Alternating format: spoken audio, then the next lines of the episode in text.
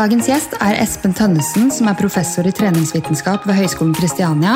Der er han også faglig studieleder for bachelorstudiet i fysisk aktivitet og ernæring. I tillegg har han utgitt tolv fagbøker, forsket på rundt 100 verdensmestere og olympiske mestere, og publisert over 50 vitenskapelige artikler internasjonalt. Tidligere har han vært fag- og forskningssjef i Olympiatoppen og bidratt med sin kompetanse mot suksessfulle idrettsutøvere og trenere, og i dag er jeg så heldig å ha han med i episoden, hvor han deler mye kunnskap videre med meg og dere. Vi prater litt om hvorfor de beste blir best i sport, og hva som kreves for å bli best, men store deler av episoden er rettet mot oss mosjonister, eller til dere som ønsker å komme i gang med treningen, og det er mye gull i denne episoden, enten du er nybegynner, men også til dere som ønsker fremgang i løpingen, eller har planer om å delta i et løp. Du har jo også vært en del hjemme hos oss Ja, ja. eh, og fått servert eh, hva heter Omelett. det? Omelett. Og den får vi høre liksom er en klassiker hjemme hos oss. da. Hva syns du om omeletten til min far? Den er fantastisk. så han, han er jo god til å, til å lage mat, og så styrer han. Han lager jo ei god stemning, da. Ja, Ja, det. men Det er viktig når man skal ha samarbeidsmøter. Det er og du har jo samarbeida med flere idretter. og Hvilken rolle har du i de ulike idrettene? For jeg har sett at det er alt fra orientering til svømming til eh, friidrett. Og langrenn og ja, Ja, langrenn og skøyter og ja. Så jeg har jobba mye med de, eh, med de idrettene der, og mest jobba egentlig mot trenerne. Og det å faktisk drive med litt sånn trenerutvikling og det å være en god sparringspartner i forhold til de faktorene som påvirker trening, prestasjon og prestasjonsutvikling. Mm. Så, og det gjør jo at eh, treneren også får noen å spare med før han skal ha de samme ordene i munnen når han skal snakke med utøverne. Mm. Og det, det er jo ofte Utfordringa er jo å finne pedagogiske inngangsmåter for å få endra en eller annen type trening eller livsstilsendring hos disse toppidrettsutøverne, sånn at de faktisk utvikler seg optimalt i, i forhold til forutsetningene. Da. Så det er mye gode sånne samtaler, og da trenger han litt tid. Og det er jo noe av det som er kult når jeg har vært hos eh, Petter hjemme hos dere, da. Det er jo at eh, han lager rammer rundt det ved at en har en frokost, og det blir en god stemning, og en sitter i to, tre, fire ja, til og med opp i fem timer. Og det er jo da den gode praten og den gode samtalen kommer. Ja, man trenger litt god tid, men er det mye repeat? Bare sånn gjentagelser? Nei, jeg syns ikke det. Og det er jo, det er jo som han, sier han har jo selvironi, og han sier jo det at det, de, de, de kaller meg jo av og til Petter Repeat. Ja, ja. Men det er jo noe med det, det har faktisk jeg drevet et sånn eh, lederutviklingsprosjekt eh, gjennom EGN og snakka med tidligere ledere, toppledere, og de sier jo det. Det er faktisk, Du må gjenta budskapet x antall ganger før det skal gå inn, men ikke bare fordi at det skal gå inn, men for at det skal være en tydelighet i den kulturen som de prøver å utvikle i det firmaet. Sånn tror jeg det også er med Petter. De tingene som du repeterer, det er de viktigste tingene i det å utvikle en toppidrettsutøver. Og da må du faktisk eh, repetere det budskapet og ha det opp til refleksjon kontinuerlig. Mm. Hva slags eh, arbeidsoppgaver har liksom en trener, da? Fordi jeg føler det er eh, livsstil, og det er eh, mentaltrener, og du skal lære dem teknikk. Altså, hva innebærer en trenerrolle? Nei, trenerrollen er mye, og det er jo litt avhengig av hvem du skal trene. Skal du trene barn, så er det helt andre ting som krever, kreves der enn hvis du skal trene en toppidrettsutøver. Og eh, husker jo Leif Ole Alnes, treneren til Karsten Warholm. Eh, kona mi og hans kone fikk barn på samme tid, så vi var litt sammen med ungene nede på, i gymsalen på NIH. Og da hadde jo jeg fortsatt en sånn topptrenerkarriere i, i magen min, og, og han trente jo Geir Moen og, og så videre. Og når vi holdt på med ungene der da, så sier han men Espen, du skulle jo aldri vært topptrener, du skulle vært barneidrettstrener. Og det gikk litt på at kanskje jeg greide å leve meg inn i de ungene og skape den leiken, og, som egentlig kanskje ikke han var så opptatt av, men han var veldig god på det systematiske, det å jobbe kontinuerlig med relasjonene og detaljene og stille krav og utfordre på en annen måte enn det jeg greide. Så, så han hadde nok et veldig godt poeng at det, det er ulike egenskaper som tre, kreves i de ulike rollene. da. Men det å være trener det er jo det å få det beste ut av den utøveren du har. Og så er det jo ulike ting som må trigges, om det er treningsmessige ting, om det er livsstilsmessige ting, om det er det mentale forhold. Så det er mange ting som trener må jobbe med. Og jeg tror de dyktigste trenerne, de er ekstremt gode til å få fram det beste i utøverne og la de få et eierskap i det de holder på med. Mm. Sånn at ikke det er noe de bare blir fortalt hva de skal gjøre, men de blir en delaktig del av prosessen. Ja, for de fleste yrker har jo et man, altså de må kjenne sitt mandat. Mm. Eh, men er det sånn for trenere også? La oss si det er mye psykisk hos noen utøvere. da. Mm. Kobler man på psykolog da, eller er det trenerens ansvar å ta den mentale delen òg? Ja, det er nok avhengig av om du har kompetanse sjøl på det. Så, eh, men i noen tilfeller så må du koble på psykolog. men psykologene har jo også begrensa med innsikt i, i, hvordan det ser ut på konkurransearenaen. Mm. Så jeg tror nok du er avhengig av et ganske godt samspill med trener, utøver og psykolog i, i tilfelle. Mm.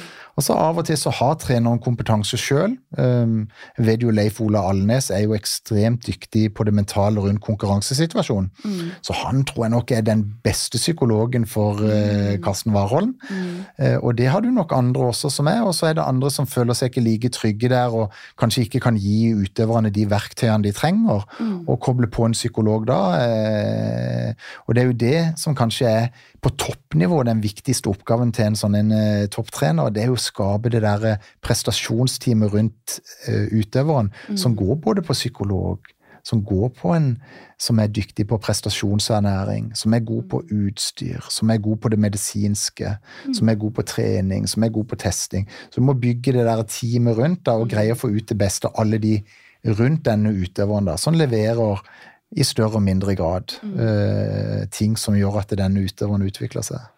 De fleste som eh, er gode i idrett, har jo startet i barnealder. Og veldig mange går jo på idrett fra de er barn. Mm. Uh, men hvor mange av de vi ser er gode som barn, blir gode i seniorutøvere eller i voksen alder?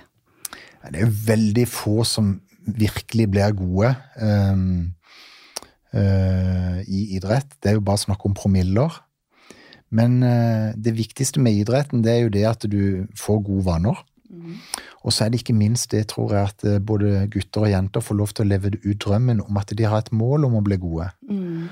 Og det å få lov til å leve den drømmen når de er 12, 13, 14, 15, 16, 17 år, det gjør jo at du fyller ungdomsårene med noe fantastisk bra nå. Mm. Selv om kanskje ikke du lykkes til slutt. Men hvis jeg skjønner det riktig i forhold til spørsmålet om du kan predikere suksess allerede fra barne- og ungdomsår, i senioralder, så er nok det ekstremt vanskelig. Mm. Du kan aldri lage gull av gråstein, men eh, mange ser på talentet det samme som at du presterer bra, og det er jo eh, ikke riktig. Det er så mange andre ting som betyr noe om du blir god, og kanskje den viktigste grunnen til at du blir god, det er at du har en indre motivasjon. Mm. At du har en indre drivkraft som gjør at du har lyst til å trene, utvikle det, ikke minst leve det livet som kreves for å bli en toppidrettsutøver, mm. for å bli en verdensener. Uh, og da er det jo både det at du trener, men også lever på den måten som kreves, og at du er motivert for det, og at du har disiplin til det. Mm. Og det tror jeg ikke du finner ut i ung alder. Derfor De fleste starter med idrett fordi at foreldrene vil det. Ja. Ikke fordi at de vil det sjøl, men de syns jo det er sabla kjekt når de først kommer der. Mm. Men det er først når de kommer i 14-15-16-årsalderen at de sjøl velger. Mm. Og det valget de tar der, da tror jeg det viktigste er jo, du må ha prestert på et visst nivå. derfor Du kan ikke lage gull av gråstein. Du må være på et nivå. Men så er det den der indre driven, da. Om du virkelig vil dette. Mm. Og det er jo der vi bommer ofte i idretten, for vi begynner å selektere altfor tidlig. Og vi begynner å selektere i 13, 14, 15, 16-årsalderen. Og da er det ekstremt stor forskjell i kalenderisk alder mm. og i biologisk alder. Ja. Så der har du gutter som kan være 1,80 høye når de er 15 år, eller 1,90 høye når de er 15 år, og så har du folk som kan være 1,50 mm. og veie 40 kilo. Ja. Så det er så ekstreme forskjeller. Hvis du da skal velge et talent, så lar du ofte veldig fascinere av de som er store, tunge, dominerer. Mens kanskje de som er litt uh, mindre, kanskje til og med også født seint på året, mm ikke er de du ser mest. Og Det gjør at det blir en veldig skjevdeling, som vi ser også i forskning, at en prioriterer ofte de som er født tidlig på året. For det de har da vokst lengre. ikke sant? De er kanskje fem og ti centimeter lengre enn de som er født seint på året. Og dermed så tror du de har større talent. Ja. Men nei, de er bare tidlig utvikla, eller de er bare født tidlig på året. ja, det der hører vi jo fra klasserommet også. Men eh, jeg som eh, har snart en fireåring, vi har meldt på han på fotball nå. Mhm. Eh, og vi har hørt av andre foreldre at noen fotballag på Fornebu, snarere der jeg bor, da, fokuserer kanskje mer på de som viser at de følger med, og fokuserer på de som de tror kan bli noe. Hva slags fokus tenker du at barnetrenere bør ha, eller barneidretten? Ja, barneidretten Jeg tenker det viktigste oppgaven en har, det å skape idrettsglede. Kjærlighet til idretten. Det at de tenker at uh, ungene fire, fem, seks, syv, åtte, ni, ti, elleve, tolvåringer At det, det kjekkeste de vet, det er den treninga de går på hver eneste uke. eh, Og at det nesten er deres party i løpet av uka. Det er der de har lyst til å være. Eh, Og skaper du den idrettsgleden der, da oppnår målet med å ha flest mulig lengst mulig, men også dette med at, eh, at det faktisk gis forutsetninger for å kunne drive det lengre. Og jeg tror hvis en gir mye mer oppmerksomhet til noen fordi de har noen ferdigheter som er ser bedre ut akkurat på det alderstrinnet der, da tror jeg en feiler stort. En skulle følt mye mer motivasjon for å holde på med det. Men da er det jo viktig at det er barna som ønsker å være der, ikke foreldrene som ønsker at de skal være der. Og der tror jeg av og til det er noen konflikter. og men du, av og til så må du også la barna smake på noen ting eh, over litt tid før de finner ut at ikke de liker det. Mm. Tenker du det er positivt at eh, barn i så ung alder, allerede i barnehagealder, da, starter på ulike allidrett, fotball, dansing, svømming? Ja, det, det er i hvert fall ikke noe negativt, jeg tror, men enda viktigere tror jeg at det, at det er mye fysisk aktivitet med familien. At det, det jeg syns vi er blitt eh, gode, og kanskje nesten for gode på, det er å organisere eh, trening og fysisk aktivitet i hjel, istedenfor at det inngår som et naturlig del av, av det daglige livet i familien. Og hvis du virkelig går tilbake til de som har lykkes eh, i, i toppidretter, så ser du jo det at det, de kommer fra familier hvor de har lært å være fysisk aktive. I en del av disse utholdenhetsidrettene så kommer de ofte fra gårder og, hvor de egentlig har vært fysisk aktive bare fordi at det å drive en gård krever det. Mens andre har en kultur for at de er mye i skog og mark og mye på turer og driver mye eh, på løkka eller gjør sånne ting.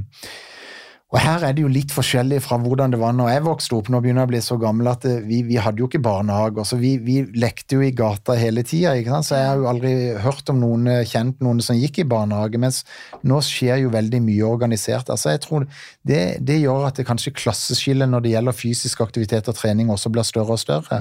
Fordi at det, det er noen eh, familier, og kanskje de ressurssterke, både økonomisk og sosialt, som, som, som løser dette og legger til rette for dette for barn. Og så er det en del som dessverre ikke får den samme muligheten. Nei. Og det tror jeg vi snakker om dette med økonomisk inkludering. Der ligger det noen barrierer, men jeg tror også det ligger noen sosiale begrensninger i forhold til det å få inkludert alle eh, med fysisk aktivitet og trening. Men burde idrett eh, i barne- og ungdomsalder kanskje vært gratis da, for at alle skulle fått et tilbud, eller er det usannsynlig? Nei, eh, det er jo stort sett det nesten idretten gjør, da. ikke sant? Vi får jo masse milliarder fra, fra, fra spillmidlene nettopp fordi at det skal være for barn og unge. ikke sant? Hvis vi ser på eldre, så er det jo ikke et tilbud der i Idrettsforbundet. og Det er en strategisk satsing, for det at får du gode vaner når du er eh, barn og unge, så drar du de med deg senere. Um, men det som kanskje er en uting, det er at det kanskje bør en i større og større grad se på hvordan de pengene blir brukt. Jeg tror i dag så bruker vi veldig mye penger på å administrere opp idretten. Det går for mye på daglig leder og markedssjef, og det går på det. Og det gjør at eh, idrettstilbudet for barn og unge blir mye dyrere enn det det trengte å være. Mm, det er sant. Og eh, hadde du brukt mer av de pengene på å, direkte på aktiviteten, så hadde det blitt et billigere tilbud og et bedre tilbud. Mm. Så jeg tror jo at, eh, i hvert fall som jeg opplevde med guttungen min når han spilte fotball, så var det noen unge trenere der som var bare 20, 22, 23 år. Det var veldig nært i alder i forhold til de sjøl, og det gjorde at det ble sabla artig å gå på trening, treffe disse unge folka. Så jeg syns vi skulle hatt ungdomsløftet på den måten at vi satsa på disse ungdomstrenerne. Ga de en mulighet til å ha det som en liten sidejobb når de tok utdannelsen sin, mm. og hvor de fikk lov til å utvikle dette trenerkonseptet, eller hvordan trene barn og unge på en god måte, under god veiledning av en som var kompetent og kyndig, mm. så, så, hadde de både utvikla seg, de hadde tjent penger, og de hadde gjort en fantastisk jobb for samfunnet. Det er så godt poeng, og jeg ser det på fotballagene på Fornebu, eller i hvert fall de som er heldige å ha trenere, at de fokuserer på ungdomstrenere som mm. er kanskje 14 år. da, mm som har det som en sidejobb. Og så er det én mm. eh, eller to litt eldre personer mm. som har styringa, da. Mm. Som er sportsklubbleder, eller hva det mm. heter. Um, men hvilken alder er det man ser når folk begynner å skille seg ut, og at de faktisk har et idrettstalent?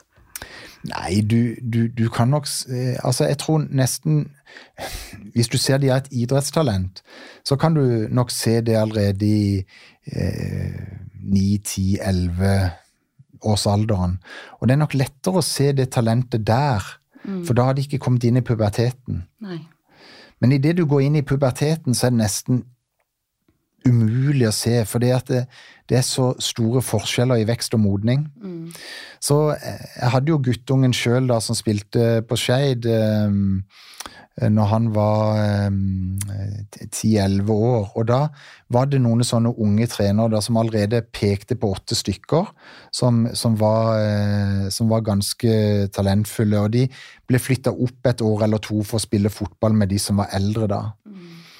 Og eh, åtte av de, seks av de åtte, de spiller i Obos og Eliteserien og internasjonalt i dag. Mm. Og hvordan de greide å peke på de tingene, ja, da sier de jo de så på motivasjon, de så på taktiske ferdigheter, de så på tekniske ferdigheter, hvordan de håndterte veiledning fra en trener. Mm. De så på en del fysiske ting. Så de så på en helhet rundt dette. Men hvordan de traff så vanvittig bra i forhold til det, men det de var gode på, det var ikke bare ta vare på disse enerne i mitt hode, da. Mm. For de hadde treninger som eh, begynte for eh, gutter 10 eller gutter 11 eller gutter 12 eller gutter 13 eller hva det var. Mm. Samme tid, og de slutta på samme tid. Det vil si at 100 stykker gikk til trening sammen, og 100 tre, eh, gutter gikk fra trening sammen. Og så delte de inn i tre nivåer. Oh. Og det gjorde at de trente samtidig, og du kunne da trene på et nivå høyere, et nivå lavere, men det var ikke noen statiske ting. Nei. Som det ofte blir i fotballen og håndballen. Det blir sånn du er på første lag, og du er ja. på andre lag. Og, sånn. og de skapte si greie der, og jeg syns det var fantastisk hvordan de tenkte. Og, og det, men, men, det var ikke alle foreldre som var like entusiastiske i forhold til det. Og det syns jeg er synd, istedenfor å ha troen på disse ungdommene og la de få lov til det. Og når du så hvor lite frafall det var, og hvor du så den entusiasmen som ungdommen hadde, så syns jeg det det er der jeg mener vi må gi de litt muligheten, eh, under god veiledning, til å finne gode løsninger. Eh, til å få det beste ut av disse unge guttene og jentene, og få, la de få lov til å følge drømmen, da. Mm. Så, så to, to, ting som jeg tenker, det er dette med ungdomsløftet, få mm. flere av de inn, og så må vi ha jenteløftet. Ja. For 90% av de som er trenere, er jo gutter. Ja. Så vi må få flere jenter som har lyst til å følge den veien. Mm. Eh, og da lurer jeg veldig interessert i hvorfor blir de beste best i sport? Du har jo eh, forska mye på dette her. Ja, jeg har jo forska på det og både intervjua og, og undersøkt treninga til 100 verdensmestere og olympiske mestere. Og vi har jo vært inne på det, du kommer ikke utenom at du kan ikke lage gull av gråstein. Du, du, må ha et visst talent i bunn. Men, men, det talentet går ikke bare på prestasjon. Det går like mye på evnen til å lære ferdigheter. Mm. Det motoriske. Det går på evnen til å kunne trene mye og holde seg skadefri. Mm. Det går mye på det at du faktisk har motivasjon til å skape kontinuitet i treninga. Det går på at du har en selvdisiplin til at faktisk du greier å være en gjennomfører av alle de tingene, altså være en såkalt 24-timersutøver, som både ikke bare er god til å trene de tre-fire timene du trener hver dag, men at det livet du lever de andre 20 timene, med hvordan du spiser, hvordan du sover, og hvordan du har en livsbelastning sammen med venner som gjør at det er et helhetlig og godt liv, Mm. det, det er jo andre viktige faktorer der. Men, eh, men du Indre motivasjon Mm. og dette talentet, det ligger litt sånn i bunnen, da. Ja, interessant. Og dette må vi jo få over til oss, sånne som meg, Ja. og sånne som deg nå. Ja, Og alle de andre som hører på, som er mosjonister. ja. Eh, eller som kanskje ikke har starta å trene, og som ønsker egentlig å ha en mer aktiv livsstil. Mhm. Fordi jeg regner med at eh, mye kan eh, ha overføringsverdi til eh, oss som er vanlige folk i gåsetegn. Absolutt. Eh, og du nevnte jo før vi begynte å spille inn at eh, når du ga deg, eh, så ja, sleit jo litt med motivasjonen og raste opp i vekt. Eh, og dette kan sikkert mange kjenne seg igjen i. Uh, men hvordan kan folk unngå å bli periodetrenere og heller opprettholde kontinuitet i treningen? Og nå sikter jeg til oss vanlige Ja, ja. folk. Ja, og det er 100 000 kroner spørsmålet, det. det er, jeg tror Hvis noen visste svaret på det, så hadde de blitt ganske rike. Men eh, det vi i hvert fall vet, er at eh, de fleste har kunnskap om hva som er bra for dem. Og vi vet jo blant annet at vi har jo Helsedirektoratet som gir ut eh, nasjonale råd for fysisk aktivitet og for kosthold. Og det er jo bare 10-20% 10-30% av den norske befolkninga som følger det. Eh, og stort sett så er det ikke på grunn av at ikke vi vet om hvordan vi skal gjøre det, men vi vet ikke hvordan vi skal få det til, og få den kontinuiteten over tid, da. Og det er vanskelig, og da må en jo prøve å finne seg noen verktøy eh, som gjør at en greier å være fysisk aktiv og trene over tid. Og der er vi jo veldig ulike individer, så vi lar oss jo trigge av ulike ting. Men jeg tror jo at det er noen ting som må på plass. Eh, For, for det første så må du jo gjøre noe du liker. Ja. Så hvis ikke du gjør noe du liker, så gjør du det ikke over tid. Mm. Og Derfor synes jeg det er ofte forskninger for eksempel, som Vi vet jo at intervalltrening er veldig bra. Og Det påvirker hjerte- og karlidelser og forebygger det på en veldig god måte. Og så er stort sett all forskning som er gjort på det, det er all out. Du gir alt det du kan hver eneste gang. Men når folk har gjort det to-tre ganger, så har de ikke lyst til å gjøre det igjen. Så hvordan kan du gjøre intervalltrening med en litt lavere intensitet, faktisk sånn som toppidrettsutøvere gjør, Ja. hvor de gjør det rundt terskel, så er det mye mer bærekraftig over tid. Ja. Så vi gjorde en undersøkelse nå nettopp for å se litt på hvordan 40-åringer pluss da likte dette. Jo, de likte mye mer å gjøre det ved at de hadde noe igjen når de var ferdig, som var, gjorde at de hadde lyst til å gjøre det neste uke. ja. Og det er kanskje det spørsmålet du må stille deg. Det jeg gjorde i dag, er det noe jeg har lyst til å gjøre neste uke?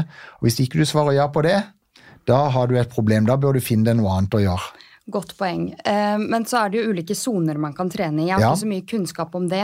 Eh, men det er vel det du mener, at hvis man holder seg på sone 1, 2, kanskje 3, så er Mm. det mer sannsynlig at man fortsetter uka etter. Ja. Eh, er det sånn med idrettsutøvere også, at de ligger ofte i den sona? Ja. Så 90 av treninga som de gjør, det er faktisk på lav intensitet. Så det er to-tre dager i uka hvor de trener det vi kaller hardt. da. Ja. Eh, og det er bare to-tre ganger i uka. Og, eh, det, men det som er det hardeste for dem, det er ikke at det er så intenst, men det er det at det varer over så lang tid. Mm. Og ofte så slår de da ned intensiteten litt, og de maksimerer ikke varigheten. Sånn at de, når de går ut av økta, så vil de kunne ha gjort én eller to intervaller til. Mm. Sånn at de går ut uten å være helt utmatta. Og det er jo fordi at du skal ikke ha en økt som er maksimal, men du skal ha en økt som er optimal i forhold til hvordan alle øktene ser ut i den uka, og hvordan det er tima i forhold til hvordan du skal gjøre det neste uke og uka etter der, sånn at faktisk du er i form når det mesterskapet skal være. Mm. Så det gjelder å bruke treningene på en optimal måte for å toppe formen når du faktisk ønsker det. Og når vi da tenker på mosjonister, så, så gjelder det jo å skape kontinuitet, at du gjør det hver uke. Da Da må du like det, og du må ikke ta det så mye ut at ikke du har lyst til å gjøre det neste uke. Mm. Og så En ting er på en måte selv hvilken treningsform man velger, men Ja. det å, hvordan kan man øke den fysiske aktiviteten? For det er jo et, eh, en forskjell på trening og fysisk aktivitet. Ja. Eh, mine tanker er i hvert fall at eh, det å gå mer, Mm. unngå buss, altså ta trapper istedenfor eh, heis, Ja, ja, ja, er det andre ting, på en måte? Ja, det, det, det er jo eh, Komme seg fra- fra- fram og tilbake til, til, til skole eller jobb. Eh, sykkel, gå eh, osv. Det er jo det til, til og fra butikken. Det er dette Gjør hagearbeid hvis du liker det, da. Min far som er 2-83, han elsker å være ute i, ute i hagen og slå plen og gjøre sånne ting. Og han syns ikke det er så gøy å trene. Han syns det er mye gøyere å være fysisk aktiv med hagearbeid eller hus, hu, i- i- kall det husarbeid. da. Og det gjør at han holder seg i form. Så vi, la oss trigge ulike ting, da. Så vi må prøve å finne det som trigger oss. Og der har jeg jo jobba en del med sånne folk som har um, skulle prøve å ha en livsstilsendring, da. Hadde eh, blant annet eh, sønnen til Atle Antonsen, Kasper oh, Antonsen. Ja, kult. Så jeg hadde hjulpet Atle Antonsen i forbindelse med en rolle han skulle inn i, eh, med mm, Grand Café, hvor han da skulle spille en sånn kjekkas, alkoholisert kjekkas som, som, som Og da måtte han ned en 20-30 kilo og måtte opp i muskelmasse og ned i fettmasse og litt sånn. Så vi og en kollega fra Olympiatoppen som jobber med kosthold, og jeg jobber med trening, så fikk vi, fikk vi det til i løpet av den seksmånedersperioden. Tenkte han, han å øve seg så mye på å bli kjekkas, da? Er ikke han det utenom rollen? Jo, jo tenkte, du, tenkte du på Kasper eller Atle nå? Atle? Ja, ja. så, så, men i hvert fall så, så, eh, så eh, Kasper hadde litt samme type bygning som faren, da, så han, han ønska å, å gjøre noen endringer, og så spurte Atle om jeg kunne tenke meg å ta en samtale med han. Og Det var rett før koronaperioden, og det sa jeg jo, det, det gjør jeg gjerne. Og en av de tingene som var forutsetningen, det er at jeg kan bruke det litt i undervisning som keiser. Ja, ja. Uh, og vi hadde en snakk, og han veide da på det tidspunktet tror jeg var 115 kilo. uh, 20 kilo. Uh, han hadde mål om å bli tosifra. Eh, og vi begynte. eh, de første ti ukene gikk ned ti kilo. Eh, kom i mye bedre form. Vi hadde samtaler rundt hva han skulle trene og, og, og så videre. Fikk ukentlig treningsprogram. Men akkurat idet han var ferdig med ti uker, så kom koronaperioden. ja. Og da var det full nedstengning. Og etter det hadde vi ikke noe kontakt. Og så eh, gikk det halvannet år, da, mens denne perioden varte. Så fikk jeg en melding. Eh, takk for starthjelpen. Har gått ned 30 kilo til. Å, herregud. Men når du sier det, så ser jeg jo at jeg har jo sett denne endringen på Ja, på skjermen. Ja, ja. Jeg husker at jeg tenkte ja, han er lik sin far, til at jeg tenkte wow, han har gjort en endring. Så du har bidratt til den endringen. Ja, men det som er interessant, da, det er jo at det, mitt lille bidrag Det er jo Kasper sitt store bidrag. Det var som han sa Derfor han lurte på om jeg kunne teste han på nytt. da, Derfor jeg hadde testa han når han starta, og så testa vi han når han var ferdig. Og da hadde han, når vi testa han på maks O2, og sånn, da hadde han oksygenopptak som en, eh, som en eh, middels eliteseriespiller i fotball. Og eh, han fortalte jo at det, han likte dette her som, eh, som hadde skjedd, og ikke minst at han nå kunne prøve klær til, til venner. Han hadde ikke problemer med å finne klær lenger, og eh, hadde en helt annen type overskudd enn han hadde hatt tidligere. Eh, men det som gjorde at det ble en suksesshistorie, sånn som jeg opplevde Kasper, det var at han tok eierskap i dette sjøl. Jeg hadde vist han måter han kunne trene på, men han fant sine måter å gjøre det på. Og det han sa da, han, eh, Før hadde han tatt kollektivtransport, men han likte å gå. Så han begynte å heller gå til alle plasser han skulle, istedenfor å ta kollektivtransport.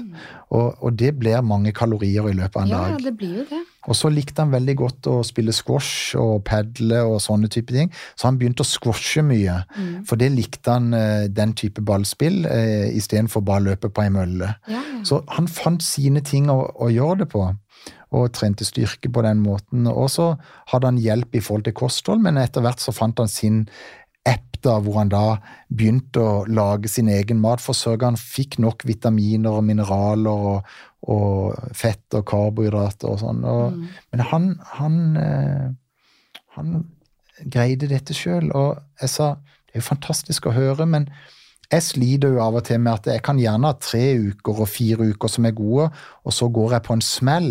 Mm. Og når jeg først går på en smell, så tenker jeg ja, ja, da kan den smellen vare ikke bare to dager, den kan vare to uker eller tre uker. Mm. Så sier jeg gikk du aldri på en smell?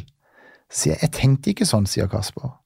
Mm. Jeg tenkte sånn at eh, ok, nå har jeg greid å gjøre det bra i ti dager. Mm. Nå gikk jeg på en smell, nå skal jeg se om jeg greier elleve dager neste gang, eller tolv ja. dager. Så han snudde det til egentlig noe positivt, og det syns jeg var et veldig sånn godt tankesett han hadde. Mm. Ved at han hele tida ikke så at han hadde gått på et nederlag.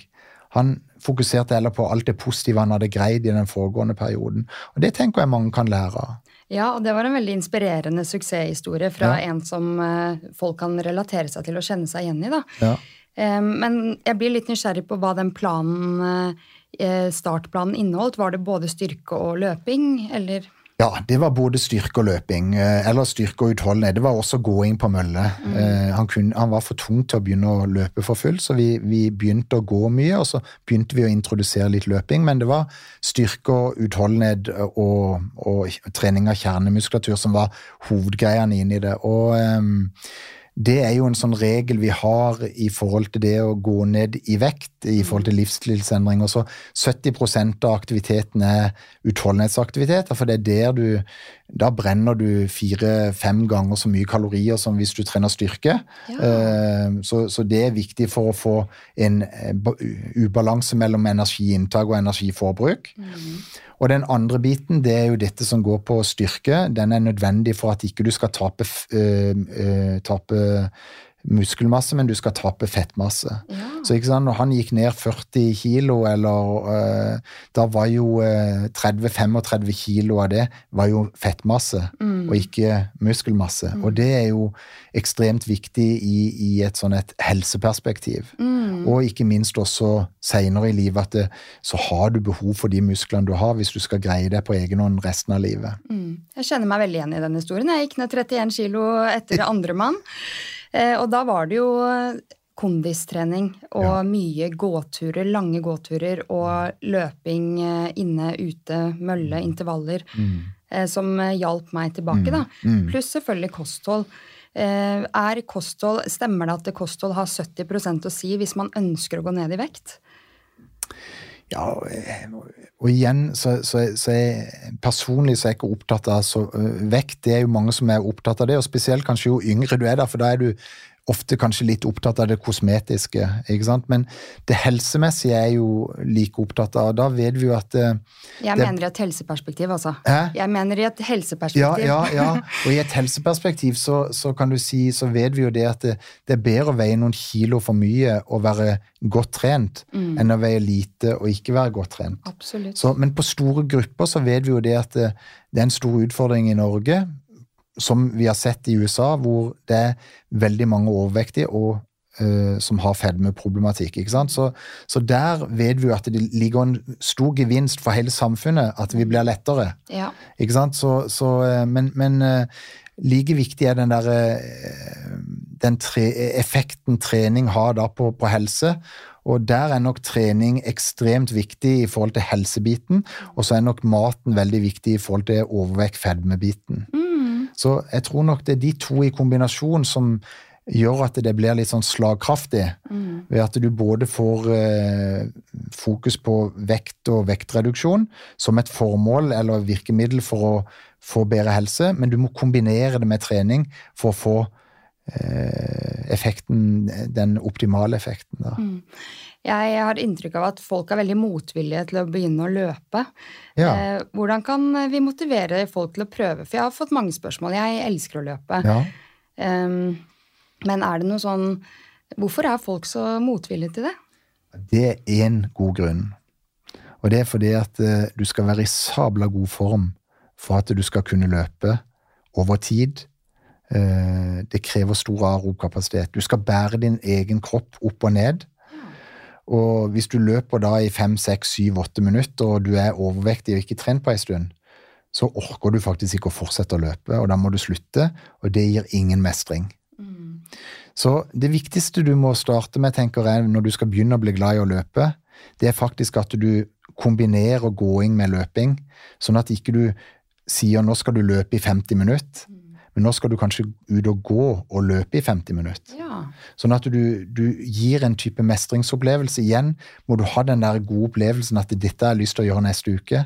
Og Hvis du da blir bedt om å løpe i 50 minutter, og ikke du klarer det, så har du i hvert fall ikke lyst til å prøve neste uke. Nei. Du har ikke lyst til å mislykkes neste uke også. Så jeg tror vi må gi programmer eh, og gi eh, planer eh, som er gjennomførbare, og som gir en mestringsopplevelse. For vi vet jo at eh, eh, det vi gjør, det er det vi mestrer. Mm. Og hvis ikke vi mestrer det, så slutter vi med det. Ja. Så, men da må vi legge lista passe høyt. Eh, og den lista er litt forskjellig avhengig av hvor god form vi er i. da. Så den tilpasninga av det programmet blir helt essensielt. For de som har begynt å løpe, eller som er mosjonister, da, hvordan kan de forbedre løpeytelsen sin? Tenker du? Nei, i, i hovedsak så, så eh, skal du bli bedre, så må det et større stimuli. Eh, Men eh, jeg pleier å gjøre det så enkelt at det, det er egentlig sånn tre hovedøkter i løpet av uka. Og to av de er intervaller. Og så er en av de en lang langtur, hvor du kanskje har en hurtig eh, løpsdel i den langturen. da. Ja. Og det er en sånn en oppbygning du kan bruke både fra du skal løpe en 10 km, en halvmaraton til en maraton. Og det eneste forskjellen er hvor, hvor lange disse intervallene er, hvor mange disse intervallene er, eller hvor lang den langturen er. Men har du de to, to greiene inne, med to intervaller pluss den langkjøringa som er litt lengre enn vanlig, og innlagt litt eh, høyere fart enn del av den, så har du egentlig det du trenger for å utvikle kapasitet. Og så må du supplere da med rolig trening i tillegg. ja. Og da er det jo det å prøve å være bevisst at du løper eh, eller går og løper om hverandre i, i litt mykt, fint terreng ute, skogsterreng, grusveier, som gjør at ikke eh, muskulatur og sener og bånd og blir overbelasta. Mm. For det er ofte Variere underlag? ja, variere underlag, variere ikke minst et godt skotøy. For det som tar veldig mange med løping, det er at de blir skada. Og det er fordi at de, progresjonen er for tøff. Det er too much, too soon, too often. Altså de, de begynner for voldsomt. Og det kan du gjøre på sykkel og på, på langrenn og, og roing og sånn, men i løping så må du være veldig forsiktig i starten. Eh, jeg løper jo nesten hver dag. Er det dumt, eller kan det gå hvis man varierer underlag og skotøy? Ja, det går fint å løpe hver dag, men du må trene deg opp til det. Og jeg tror det er lettere for du som er ung, eh, å trene deg opp til det. Men når folk begynner når de er 40-50 år, så skal de være veldig varsomme med at de begynner forsiktig. Mm. og da er det nok bedre å gjøre det nokså ofte, men ikke så langt. Og gjerne gjør det ofte og variere mellom å gå og løpe. Og en måte du kan gjøre det på når du er ute i skogen, det er jo at du går oppover, Ja. og så løper du litt flatt og nedover. Så får du en variasjon. For pulsen kommer opp når du går oppover. Og det øker også utholdenhet, kan jeg Det tenke meg. For det er jo mange som ønsker å gå langturer på sommeren i fjell, og, men de, de gjør det ikke fordi de tenker at jeg klarer ikke å gå Besseggen eller eh, gå til Preikestolen. Eh, men hvis man går f.eks. i oppoverbakke, eh, er det andre treningsmetoder som kan øke utholdenheten? Ja, alle de eh, idrettene vi har. fra svømming, som du kjenner godt sjøl, da, men du har roing, du har ski, rulleski, du har sykkel. og så ikke minst gåing. og grunnen til at jeg liker gåing og løping veldig bra, da, det er jo fordi at det gjør at du får den kapasiteten du trenger til det daglige livet. Ikke sant? Du må ikke kunne gå på ski for å greie det til dagliglivet, men det å løpe og gå, det gjør at du har en sånn en sikkerhetsbuffer når du går inn i alderdommen. Og skal du klare, å, klare det lenge i eget hjem, så er det denne gå- og løpskapasiteten som gjør at du får den spesifikke kapasiteten som kreves for å greie seg i eget hjem lenge. da. Det at du kan gå opp og ned trappene, eh, det at du kan gå til og fra butikken, Det at du gjør de daglige gjøremålene. For aldringsprosessen, den fører til at uh, utholdenheten og styrken reduseres med alderen. Og den reduseres sånn at det, i starten så er det en prosent i året, og så går det opp i 2% og så går det opp i 3% Så når du er 80 år, Mm. så har du omtrent halvparten av den kapasiteten du hadde når du var 30. Oh. Så hvis ikke du tar vare på deg sjøl i den der eh, 30 til 50-60 års så har du et veldig dårlig utgangspunkt for å gå inn i 70-80-åra. Åh, jeg gruer meg til det bare skal gå nedover og nedover. Jeg blir 30 har- år nå om noen måneder. Og jeg, Da er du på bare- vei ned. Ja, Nei. ja, ja, ja, men det er det jeg føler, oppriktig, så jeg må prøve å endre tankegangen til at det går fint å bli 30. Jeg er fortsatt ung, men ah, ja, jeg bare Det er ikke for å aldersdiskriminere eller noe sånt, men jeg, jeg liker ikke at man blir eldre. Nei. Jeg liker den delen at man blir klokere og tryggere og alt det der, og barn i bildet og hele pakka, men det derre at formen og helsa og sånn Nei, jeg liker ikke det aldersgreiene. Nei, og, og, men ikke sant, helsa handler jo mer om bare utholdende styrke. Det handler jo om det sosiale. Ja, det gjør jo Hvordan det. har du det? Ja. Ikke sant? Og, og, og det ser vi jo hvordan da trening endrer seg litt. da. Fra at vi har fokus på løpeintervaller og hvor vi skal trene styrke, og så ser vi eldre som kanskje mister sin eh, mann eller kone eller eh, eh, Og det viktigste for de med trening, det er det sosiale. Det å treffe andre. Det å unngå ensomheten. Det å ha sosiale relasjoner. Så trening har mange sider, og, og, og ikke minst den sosiale. Så jeg tror jo ofte hvis du greier, eh, sånn som jeg syns er veldig fint med meg og kona, vi trener ofte tre-fire-fem ganger i uka sammen. Og Det gjør at vi har et fellesskap rundt noe. og Vi bruker tid når vi er i skog og mark og snakker om det, og hva skal vi gjøre neste gang. Og jeg trener med gode kollegaer med de andre dagene. Og det gjør at du får dekka også de sosiale behovene. Og det er ganske ålreit. Og det er inspirerende å høre, fordi du var 50 Tre. Ja, og jeg har spurt mamma og pappa også sånn, hvorfor tror dere at dere har holdt ut i over 30 år sammen? Eh, og de nevner ofte dette med interesser, da, fordi de er jo, det er jo ni år imellom de. Ja. Um, og mamma er jo mye mer aktiv enn pappa. Eh, har mye større utholdenhet og alt det der.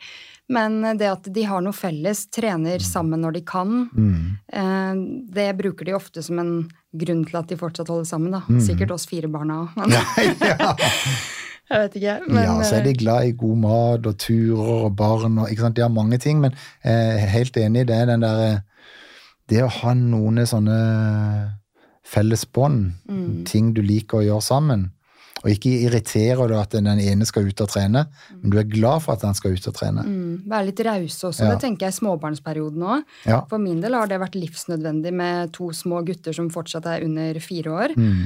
At eh, jeg trenger å få Altså, jeg merker jeg blir mer tålmodig, eh, gladere, lykkeligere, Mm. eh, kreativ. Eh, og vi har jo hatt perioder hvor, eh, hvor det har vært krangling på grunn Mm. av eh, at vi ikke har lagt en plan for treninga, da, hvor jeg plutselig kjenner at nå kribler det i kroppen, jeg må ut nå, og så blir det dårlig stemning. Men jeg tror samboeren min har skjønt nå at jeg trenger å få utløp for all det der kriblinga i kroppen. Og, Så raushet tror jeg er viktig enn i småbarnsperioden og egentlig senere òg. Det er det. Og så tror jeg nok du lærer hverandre å kjenne jo mer årene går, og en blir kanskje rausere og rausere etter hvert som årene går. Ja. Og så lærer du å kjenne den du bor sammen med ber òg når nok er nok. Nå, nå ser jeg nå, nå er det bra å, å gi litt handlingsrom. Ja. Jeg, jeg bare syns det er så gøy nå, fordi han eh, minste han har nettopp fylt to, og han eh, eldste han blir snart fire. Ja. Eh, og nå kjenner altså de, Hvis jeg kommer opp i treningsstøy da, i stua, eh, så sier minstemann 'ha det, mamma', for han skjønner nå at når jeg har på meg de klærne, skal jeg ut. Ja, ja. Eh, og han eldste er sånn 'mamma, skal du løpe? Skal du løpe?' Ja, ja. Så jeg, jeg tror det er positivt for de også å se at foreldrene tar seg litt egentid og kommer seg ut. Og eh, jeg blir overrasket over hvis eh, de ikke blir aktive, når de ser hvor aktive vi er. Og det, det er helt riktig, og det viser også forskning. At eh, hvis foreldre er aktive, så blir barna aktive. Og den som faktisk har størst betydning, eh, som forskning peker på, det er mors fysiske aktivitetsnivå. Det ja, men Så- det er gøy at du sier, Ja. fordi Gard Jeg er jo ikke på sosiale medier lenger, Nei. men samboeren min før jeg logget av da i august, så viste han meg en eh, Instagram-reel hvor han viste en film som eh, nettopp beskriver det. At Mm. eh, særlig når mor er fysisk aktiv. Hvorfor tror du det? Nei, du har jo eh, morsrollen, og du, du er jo eh, veldig nært barna, da, og jeg tror nok eh, barna ser veldig opp til mor på et vis. De gjør sikkert det til far òg, da, men eh, nei, jeg, har- jeg har ikke noen uh, veldig gode grunner til det. Um, Men det er veldig gøy at det er på en måte Ja. bevist at det er litt sånn. ja, så det har stor effekt, uh, og da er det jo det er litt sånn, Hvis vi ønsker at barna skal bli fysisk aktive, så må vi være klar over at eh, hvordan vi opptrer sjøl, har stor betydning. Mm. Og ikke bare snakke om det. Og det er jo sånn Jeg syns det er et veldig godt ordtak, det som Leif Ole Alnes sier alltid. Det er bedre med godt gjort enn godt sagt. Ja. Og det er jo noe med at en går foran nå som en rollemodell når en vet hvor viktig det er. Mm. Så hvis en virkelig ønsker barna godt, og at de skal være fysisk aktive i livet, så vær fysisk aktiv sjøl, Mm. og se på det som faktisk er en viktig del av oppdragelsen. Og se på det som en, en viktig oppgave du har, for at barna da skal få gode verdier og gode rollemodeller. Mm. Og det er jo som vi vet på andre områder i livet, at man trenger å se handling. Eh, Det hjelper ikke å love og love i et Nei. partnerforhold hvis man ikke viser handling. Nei, Så det er jo godt poeng med det er bedre godt gjort enn godt sagt. Mm. Eh, Men litt tilbake til skader og overtrening. Mm. Eh, Hvordan kan man unngå skader og overtrening når man begynner å øke treningsmengden? I forhold til, i forhold til mosjonssegmentet så er jeg aldri redd for overtrening. For da skal du trene ti timer pluss i, i uka minst. Altså. Så okay. jeg tror eneste du kan bli kanskje litt feiltrent, eh, og, og hvis du skulle bli feiltrent som mosjonist, så er det hvis du trener for hardt for ofte, hvis du trener for intenst for ofte. Så jeg tror det er viktig å holde seg denne hovedregelen som er i idretten òg. Det er tre dager i uka som du kan gjøre veldig belastningstunge. Enten ved at du har intensitet de dagene, eller har veldig stort volum de dagene. Og så må de andre øktene være kortere og roligere. Og holder du deg til den grunnregelen der, så tror jeg ikke du blir feiltrent da. Nei. Og så når du går i forhold til det å bli skada, så, så tror jeg da er det veldig avhengig av hva du trener. Eh, trener du sykkel, så er det fryktelig vanskelig å skade seg. Og trener du uh, vekter, så er det også ikke spesielt uh, lett å trene på seg skader. Da er det fordi du har dårlig teknikk. Så da må det være mer at du har teknikkfokus, og at ikke du løfter for tungt. da. Mens kanskje der mest skader oppstår, det er jo mer sånne vektbærende idretter. Det å spille fotball, squash, håndball, løping, som, som du må har denne eh, kroppsvekten som du må stoppe opp og akselerere hele tida. Der må du være mye mer forsiktig med hvor mye du gjør. Du må ha en mye tydeligere progresjon. Du må eh, være mye mer eh, opptatt av underlag, være mer opptatt av skotøy, den type ting. Så der må du være forsiktig. Så jeg, nå var det lenge siden jeg og kona hadde løpt eh, i, vi, vi gikk på ski i vinter, så vi hadde ikke løpt på ei stund når vi kom nærmere sommeren. Og så eh, skulle vi til fire uker nede i Marbella, og da tenkte vi, der hadde vi lyst til å kunne løpe hver dag. Og da begynte vi å gå. Vi begynte å løpe én kilometer, løpe to kilometer, løpe tre kilometer, løpe fire kilometer. Så når vi kom ned til, til Spania, så vi, var vi i stand til å løpe seks kilometer hver dag.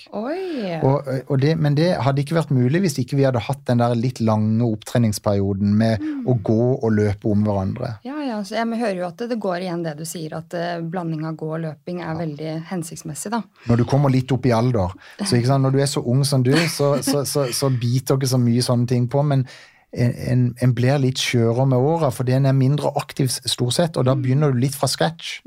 Da må du være litt mer forsiktig. Hva kan vi mosjonister eh, lære av verdens beste langdistanseløpere? Jeg tror vi kan lære at de trener noe hardt mer enn tre ganger i uka. Og så Mange av disse trener da hardt både morgen og ettermiddag de tre dagene. Det vi kaller eh, doble terskeløkter, eller hva de gjør. Men, men det at de, de du, Det er tre ganger i uka du kan ta i litt. Og så er det det å være flink til å så trene hardt, men, men hardt betyr ikke nødvendigvis maks. Det betyr at du skal gå ut av økta og ha litt overskudd etterpå, sånn at du, du skal ha lyst til å gjøre det neste uke. Eh, disse idrettsutøverne gjør det jo fordi at det skal være bærekraftig i ti år, eller 52 uker i året. Men du må gjøre det fordi du har lyst til å gjøre det neste uke. Og da er det bedre å ta det litt for rolig enn litt for hardt. Ja. Men, eh, og det tredje det er at du eh, Veldig mye forskning spiller veldig mye på intensitet, mens disse trener mye rundt terskel. Og da er de mer opptatt av for mange meter eller mange minutter på litt moderat intensitet. Så heller istedenfor at øktene varer eh, den intervalldelen varer en 15-20 minutter, heller få den opp i en halvtime. ja. Men de sonene vi var inne på i stad, Ja. hvor mange soner finnes det? Nei, du har øh, Olympiatoppens intensitetsskala som ble utvikla på, på starten av 2000-tallet, som jeg var heldig å være med sammen med Ørjan, Ørjan Madsen, Alex Visnes og Sigmund Aasen og, og, og gjengen der, da, det, og Rolf Seterdal og, og, og det. Da var det åtte intensitetssoner. Eh, og så eh, bruker han ofte en femdelsskala, eh, fra I-sone 1 til I-sone 5. Og så har du andre plasser hvor det er en tredelsskala. Det er lett, moderat og hardt. Og jeg tenker at lett, moderat og hardt er akkurat det du trenger for mosjonssegmentet. Når du jobber med toppidrettsutøver, så må det være litt mer finmaska.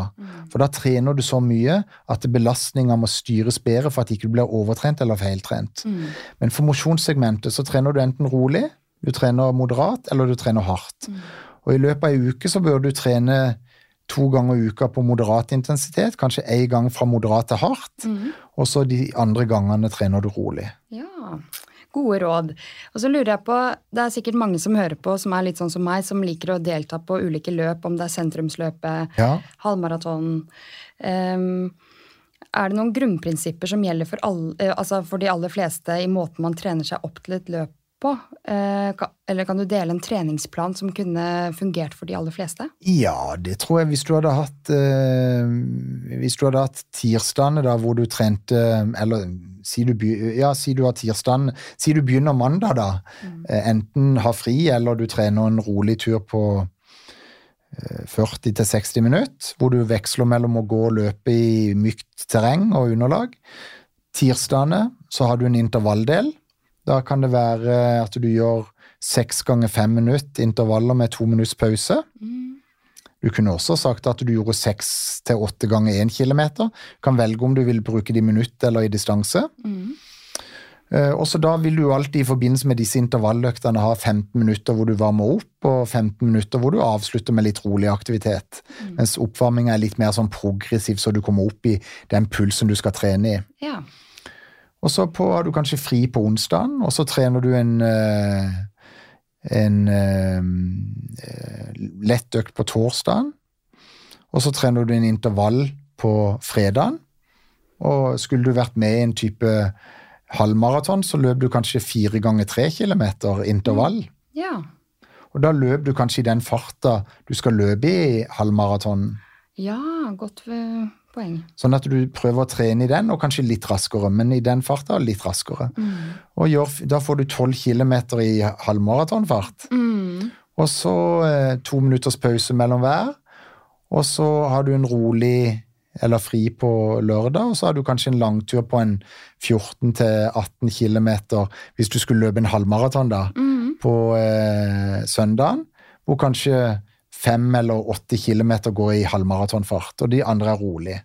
Så det er en måte å bygge det opp på, men det viktigste er at du begynner da første uka med mye mindre volum, og så bygger du opp volum etter hvert som du kommer utover. Jeg pleier å si det, normalt bør du ikke øke volumet med mer enn rundt fem til åtte kilometer per uke. Okay. Og da bør du prøve å spre det ut på flest mulig økter, sånn at ikke du Så rundt fem kilometer, og det betyr at det hver økt kanskje blir én kilometer lengre. Og har du gjort det i to uker, så må du stå i ro en uke eller to, og så kan du øke igjen. Ja, Men når det begynner å nærme seg én til to uker før Ja. man skal delta, hvordan bør man trene de to siste eller siste uka? Fordi jeg husker i fjor når jeg var med på halvmaraton i København, så løp jeg 11 km dagen før, og jeg endte med å halte meg gjennom halvmaraton. Så Ja. jeg har jo null Altså, jeg gadd ikke å sette meg inn i kunnskapen. Samboeren min prøvde å si 'løp tre kilometer rolig'. Jeg bare nei. Jeg må kjenne at jeg fungerer, for jeg hadde vært syk en måned med influensa diverse, diverse. Um, så jeg gjorde jo helt feil. Men hvordan bør man trene da de siste Det er en veldig sånn enkel eh, måte å gjøre det på. Så Du har to fallgrupper. Det ene er at du trener for mye, som du sa nå. Og så det andre det er at du ikke trener i det hele tatt, og det er heller ikke bra. Så de siste 10-14 dagene, da bør du endre. Det, du kan egentlig, Hvis det hoved, hovedmålet ditt var en type halvmaraton, så har du avslutta med en type hardøkt 10-12-14 dager før. Og de øktene som kommer etter det, skulle du ha like mange som det du har trent før. Ja, Men de skal ha halv dose. Okay. Så hvis du før løp 12 km eller 10 km på langturen, så skulle det være 5 eller 6 km. Og hvis du før hadde 6 ganger 5 minutter, så løp du bare 3 ganger 5 minutter. Ja. Men ikke noe høyere intensitet. For poenget er at du da beholder rytmen på treninga, sånn at kroppen ikke får abstinenser eller blir sjokka over at de kan få noe trening. Men da vedlikeholder du da kapasiteten, men samtidig så blir du fresh i muskulaturen, sånn at du er klar til selve løpet. Og det var jo det ikke du var. Du løp disse 12 kilometerne eller, elleve 11 eller 12 og, og var da litt sånn overbelasta fordi at du ikke hadde trent heller pga. sykdom. da. ja. Jeg har lært meg at jeg skal begynne å bruke kunnskapen litt mer i livet mitt. Men det gjelder oss alle. Det er frykt, vi vet alltid hva vi skal gjøre, men det er veldig vanskelig å implementere det. Ja, Hva med kosthold, da? Skal, bør man spise samme dag før et løp? Fordi der også bomma jeg. Eller jeg ble skuffa, for jeg dro med familien min mm. ned, og alle skulle løpe omtrent. Eh, og jeg så for meg en deilig hotellfrokost med bacon og omelett og liksom alt mulig rart. Eh, men så ender vi opp med å både spise og drikke kreft til frokost omtrent. For Ja. det var jo hvitt brød med syltetøy og blå drikke. Jeg bare Ja, det var, det var ikke sånn jeg så for meg. Nei. Og, og, og nå, nå, det er jo ikke mitt spesialfelt i forhold til hva, hva, hva du gjør, men jeg tenker det er noen sånne tommelfingerregler i hvert fall jeg har. Og det er jo du må i hvert fall ha næring inn mot det løpet, sånn at eh, disse karbohydratlagrene eller gly- glykogenlagrene er fullagra. Det er jo det er et godt startpunkt. Og så må du samtidig uh, spise, uh, sånn at uh, du vet at eh, magen tåler det når du skal løpe. Og du må spise noe som du, som du kjenner. Så du må ha trent på å spise, sånn at ikke du får vondt i magen når du løper, eller må på do når du skal på, på løpet. Ja.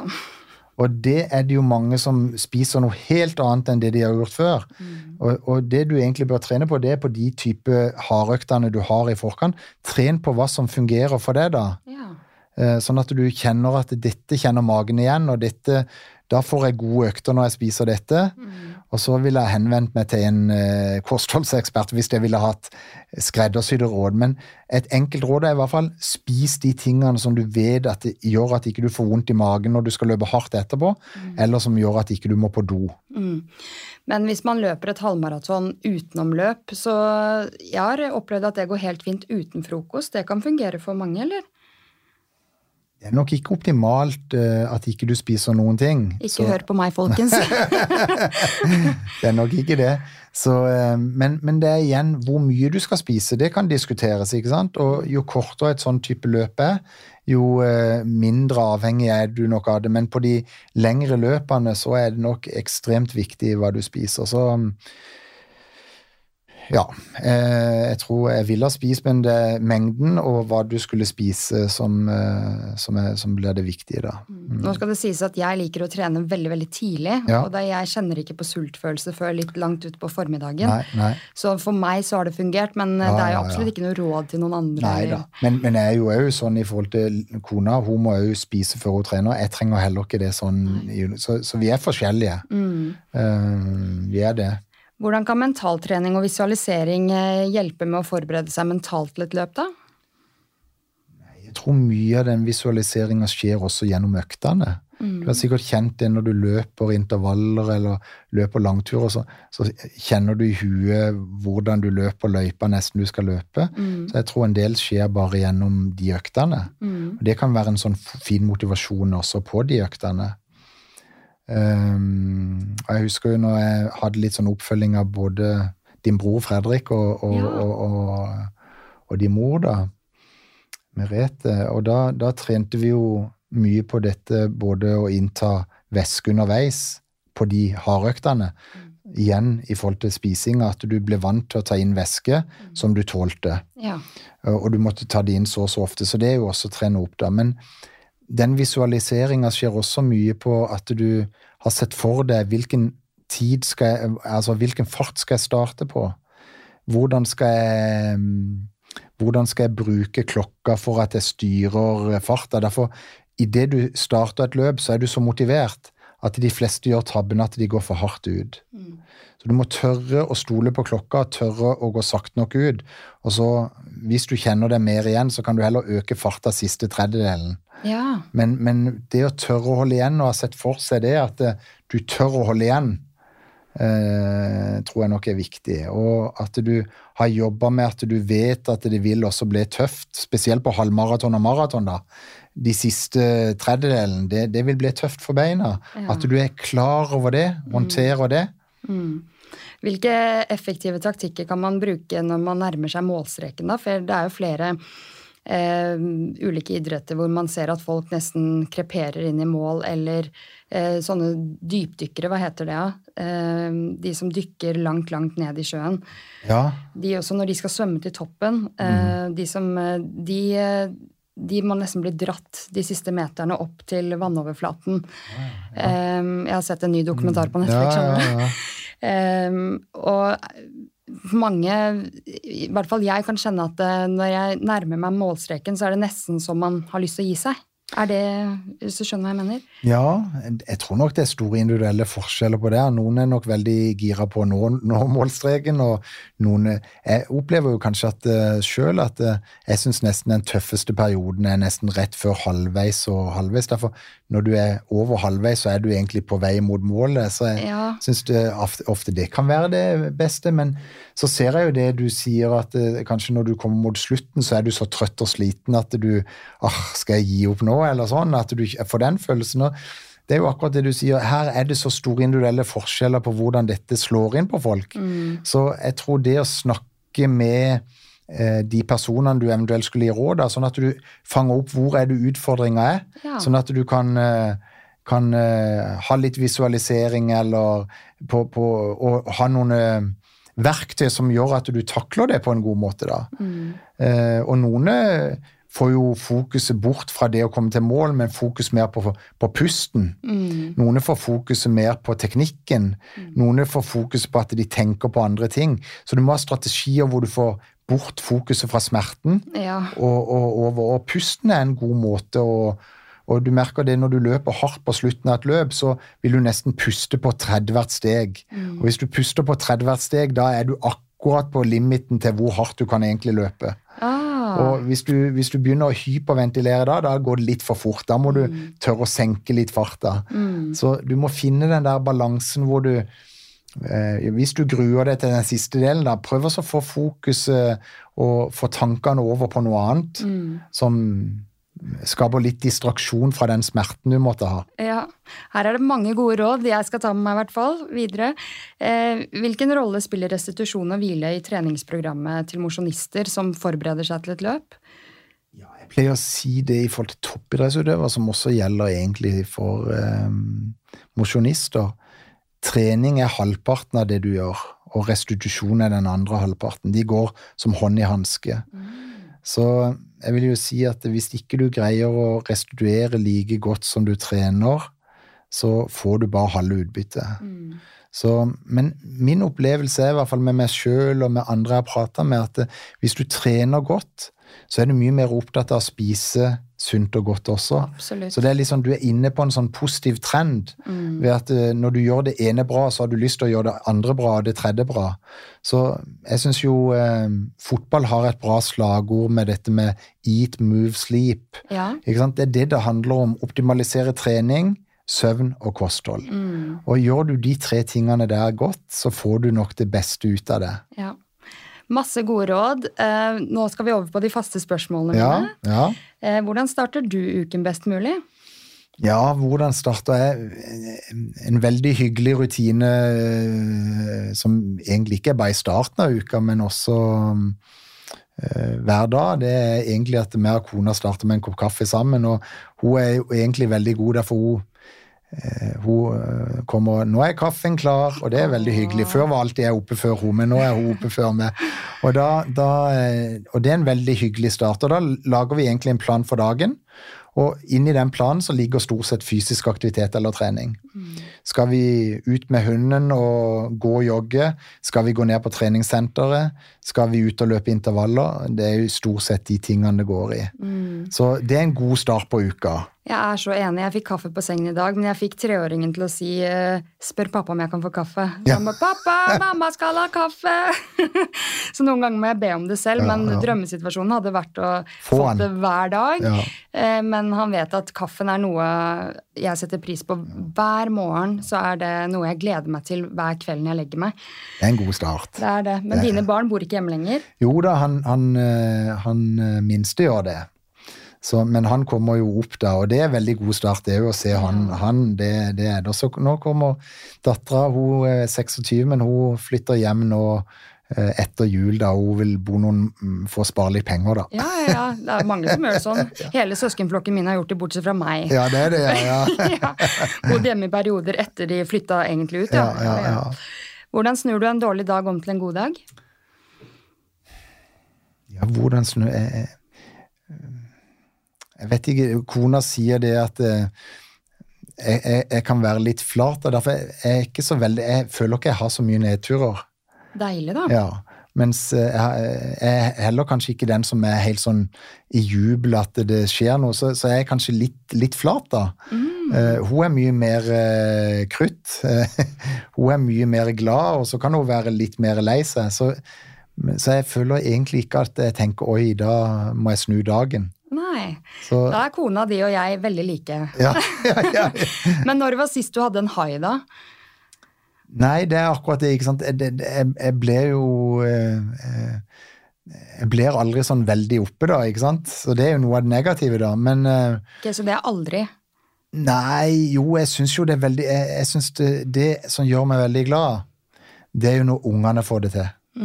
Så når dattera får det til på jobb, eller at hun eh, forteller noe som hun er glad for, eller guttungen kommer hjem og forteller noe han er glad da merker jeg at jeg blir glad. Det er kanskje noe av det jeg blir gladest for. Det er ikke ting som skjer med meg sjøl, kanskje mer hva som skjer med ungene.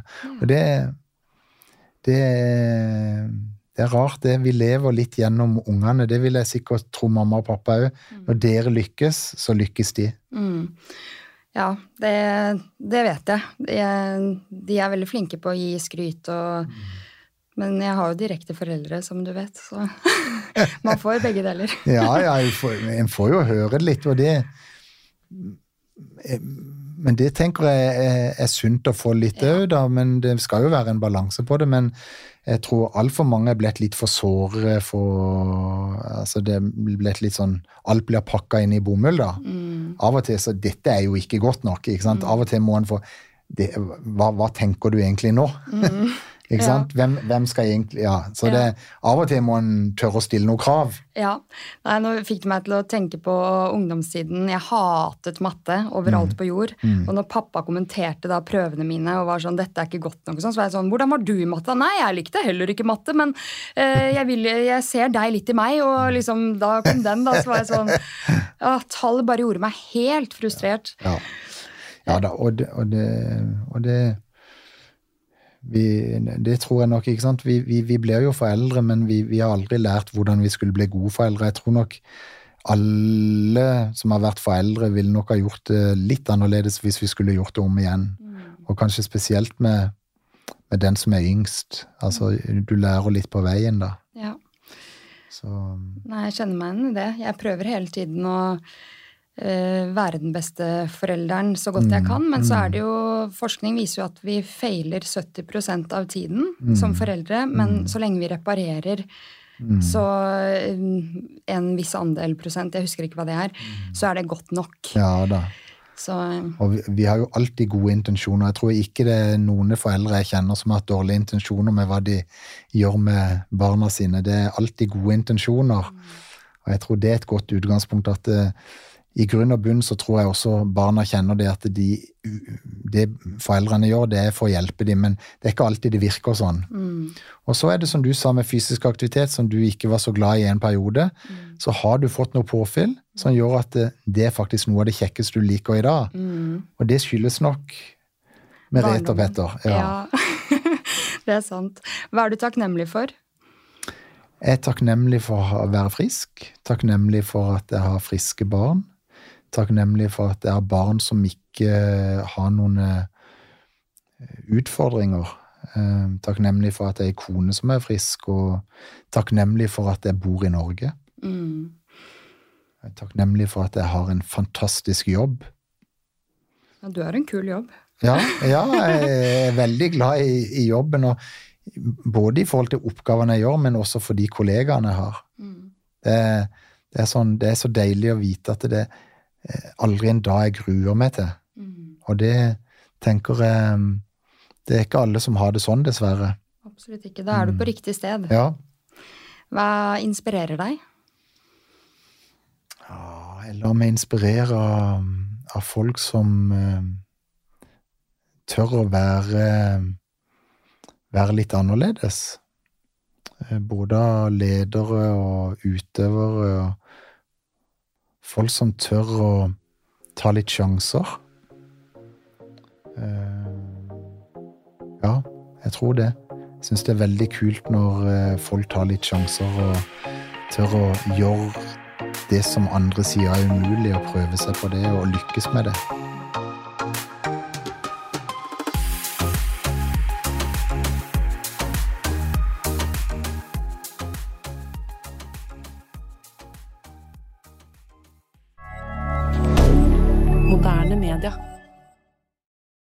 Har du et enkeltpersonforetak eller en liten bedrift? Da er du sikkert lei av å høre meg snakke om hvor enkelt det er med kvitteringer og bilag i fiken, så vi eh, gir oss her, vi. Fordi vi liker enkelt. Fiken superenkelt regnskap.